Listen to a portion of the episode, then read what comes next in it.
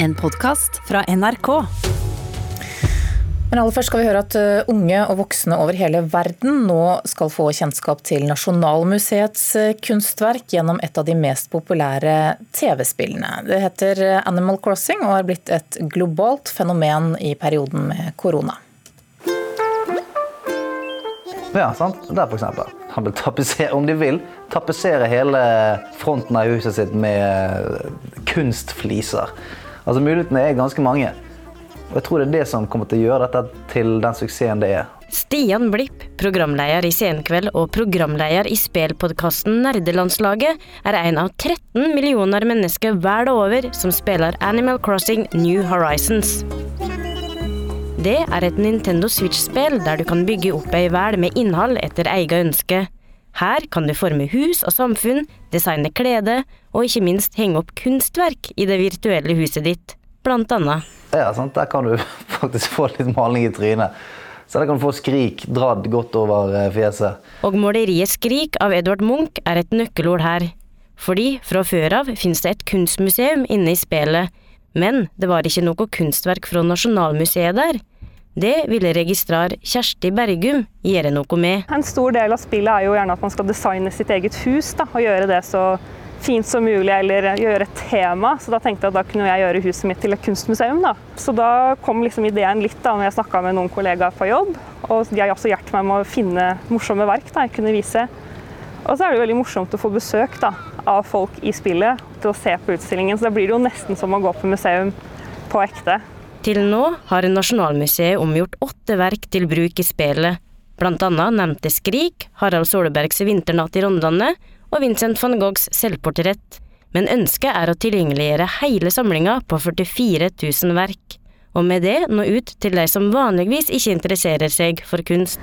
Vi har faktisk en visjon i Nasjonalmuseet øh, der vi sier at vi vil gjøre kunsten tilgjengelig for alle og hver enkelt. Så når vi gjør dette, så er det en måte at vi når ut til ja, kanskje helt nye målgrupper i hele verden på. Og så samtidig så når vi den enkelte der hvor man er i sitt eget hus. Det sier direktør for Nasjonalmuseet, Karin Hinsbo, som mener at spill er en viktig del av kulturen, og at de sjølve har mye å lære av den bransjen. Så langt har de fått bare positiv respons, og også Stian Blipp tror det vil bli en suksess. Jeg syns det er en helt genial idé. fordi jeg tror største, altså det beste fartøyet for å bli interessert i noe og, og, like noe, det er gjennom lek. Det er gjennom positive opplevelser. Og eh, her får du gjort det, samtidig som at spillerne får lov til å ta eierskap til kunsten. Det er ikke noe utilgjengelig som henger eh, på en vegg et eller annet sted. Her får de lov til å bruke det. Ha det på T-skjorten, ha det på veggen, vise det til andre spillere. Eh, så det tror jeg er en kjempeidé. Ja, til slutt her spillentusiast Stian Blipp og reporter Oda Elise Svelstad. Spillanmelder her i NRK, Rune Fjell Olsen, god morgen. God morgen. Er dette en god idé for Nasjonalmuseet å tilgjengelig, unnskyld, tilgjengeliggjøre seg for, eh, for Animal Crossing, blant annet? Ja, altså Dette som arena til å vise fram kunst er, eh, er, veldig god. Og Jeg skjønner hvor inspirasjonen kommer fra. Dette spillet har jo et uh, museum som spillerne selv fyller opp med uh, dyr. Uh, Skjeletter fra dinosaurer og kunstverk, insekter. Og Det museet er det tøffeste, kuleste museet jeg har vært i noen gang, tror jeg. Det er veldig veldig stilig. Ja, hvorfor det? Det har For det første da, så har de vært med på å lage det. Og for det andre så er det Se for deg at du skal kunne designe et museum åssen du vil i en virtuell verden. Så er jo det mulig. Eh, og dette ser bare utrolig lekkert ut. Eh, I tillegg så har du da eh, masse reell informasjon om alt som er samla inn, som du kan studere litt. Da. Ja, så Det kommer opp sånne små tekstbrokker ja. hver gang du ser på et bilde, så får du informasjonen opp? Ja, og så er det en samling av de største verkene i verden, hvor du har liksom van Gogh og eh, Rodin og alt mulig rart. Da. Det er veldig veldig kjente verk som er der. Men hvem er dette spillet for? Du, Det er for alle, og det er derfor det har blitt så stort. Eh, dette smalt jo inn i spillenes verden eh, rett mens folk måtte holde seg hjemme. Eh, ble lansert 20.3 og har blitt den største suksessen i denne serien noen gang. Men hva er det man skal gjøre i dette spillet som gjør det spennende? Du kommer jo til en ødøy hvor det ikke bor noen, hvor det er uh, bare rot. Og så skal du på en måte forme den til å bli et sted hvor det er hyggelig å bo. Uh, dette er jo en sånn adspredelse som kan sammenlignes da med å gå og pusle i hagen din, eller uh, pusle med noe som er litt sånn avslappende. da. Det er en veldig sånn Zen-lignende opplevelse å gå inn der på den øya hver dag, og så bare gjør den litt vakrere. Mm. Og, og, man spiller det da over flere dager, med andre ord? Ja, og så er det bare en liten chunk da, med innhold som blir tilgjengelig hver dag, uh, som er nytt. Og resten av tiden kan du da velge å bruke på bare sånn pynt. Mm. Uh, kose deg. Eller du kan vente til neste dag. Så du kan logge deg inn da en gang om dagen og få en veldig sånn fin uh, adspredelse fra hverdagen. Dette spillet har jo pågått i hva er det, snart 20 år? Ja, det nærmer seg det. Ja, eh, og, har, og, det har utviklet seg over tid, åpenbart. Eh, dette steget med å lage sitt eget kunstmuseum, eh, hvor vellykket er det, vil du si? Veldig vellykka. Jeg opplever i hvert fall at, at, mine barn og andre får et forhold til kunst og til, til dyr, dyreliv og fisker og alle disse tingene som er litt nytt. Da. Også en sånn nysgjerrighet rundt hva som finnes rundt oss. Eh, men særlig dette kunstverket er jo min favoritt. Også kunstgalleriet der er jo mm. min favoritt. Men dette er jo kunst fra hele verden. Hvordan kan Nasjonalmuseet klare å gjøre seg synlig? De, de, eh, er jo på en måte, de konkurrerer jo mot noen utrolig flinke skapere fra hele verden, for de bruker det samme verktøyet. Eh, jeg har lasta ned veier, japanske veier som jeg bruker på min øy. Og det sitter folk da, som designer ting som er veldig veldig bra. Men de er litt i forkant her. Jeg har ikke sett så mange andre gjøre dette. Eh, og jeg tror det er mange som kunne hatt eh, mye glede av å henge opp de verkene som, eh, som Nasjonalmuseet har. Mm. Vi hørte her at Nasjonalmuseet vil gjøre 44 000 verk tilgjengelig. det er ambisiøst? Ja, Lykke til med den. Jeg, regner med da at de ikke skal sitte og gjøre dette piksel for piksel. For jeg tror kanskje disse første åtte verkene er litt det. da, At noen har sittet mm. og gjort det litt sånn manuelt. Det høres ut som dette er en jobb som bør automatiseres. Mm. Ok, Rune Fjell Olsen, skal vi runde av med en eh, hva Vil du si? Vil du anbefale folk å gå løs på dette?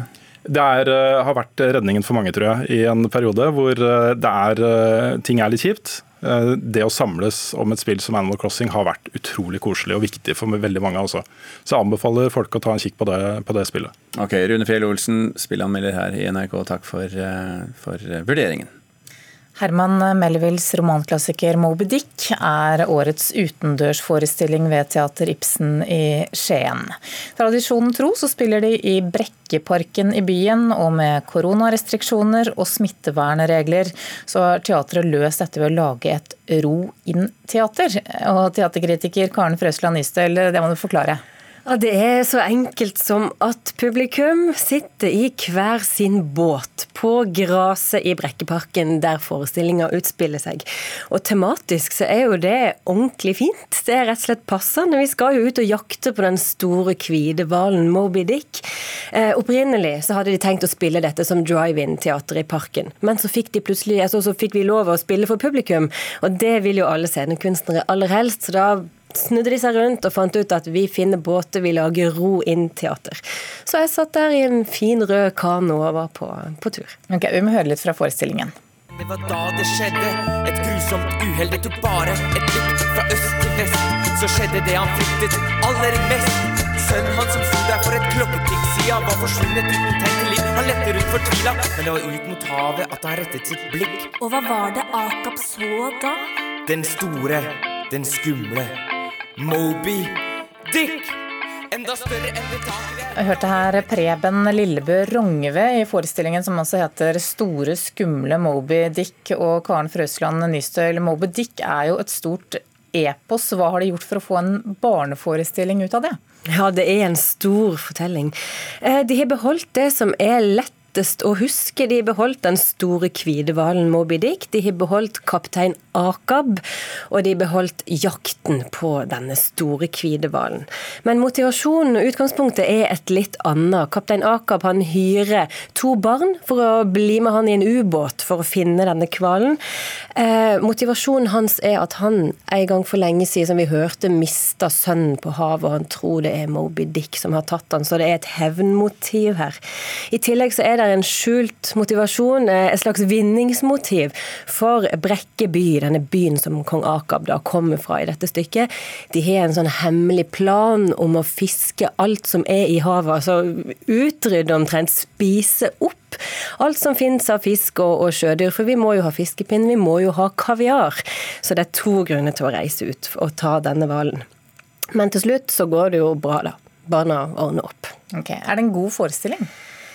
De lykkes ikke helt med dette. Jeg syns ikke de er helt i mål ennå. Det er greit, det er morsomt og fint, og det er gøy å sitte i båt, men manus har noen svakheter. Det tar bl.a. ganske lang tid før vi forstår at kaptein Akab har mista sønnen sin på havet. Det er ganske viktig å hektes på en sånn fortelling og forstå motivasjonen for å reise ut for å finne den hvalen. Og Samtidig så er det en liten produksjon. Regissør Frode Gjerløv har eh, gjort, altså snekra sammen dette manuset sammen med skuespillerne på ganske kort tid. Jeg tror de hadde hatt godt av et utenfra-blikk. Eh, for det er mange fortellinger som de prøver å fortelle i en timelang historie her. og det barna går seg litt vill i hvem de skal heie på. Skal de heie på kaptein Akap, som vil ha sønnen tilbake, og så blir han plutselig en karakter som bare skal fiske alt i havet? Eh, det skaper en kompleks karakter, men det er vanskelig å vite hvor man skal legge sympatien når kapteinen står der med harpunen foran hvalen. Vi vet jo at både festivaler og spel er avlyst i stor skala denne sommeren, men det spilles faktisk eh, flere barneteatre utendørs nå? Ja, ja, det gjør det. Det begynner å komme. Skien eh, spiller Moby Dick til slutten av juni. Teatret vårt i Molde setter opp Robin Hood utendørs i Molde og Ålesund, det òg i juni. Og mange pleier å ta turen til Frognerparken for å se Teaterhøgskolen spille sommerteater, og det skal de i år òg. Fra midten av juni og nesten ut juli så spiller de Den lille havfruen med noen sjørøvere med i vann et eller annet sted i Frognerparken. Så noe teater blir det for barna. Kanskje det kommer mer. Ok, Takk skal du ha, Karen Frøsland Nystøl. Du har hørt en podkast fra NRK. Hør flere podkaster og din NRK-kanal i appen NRK Radio.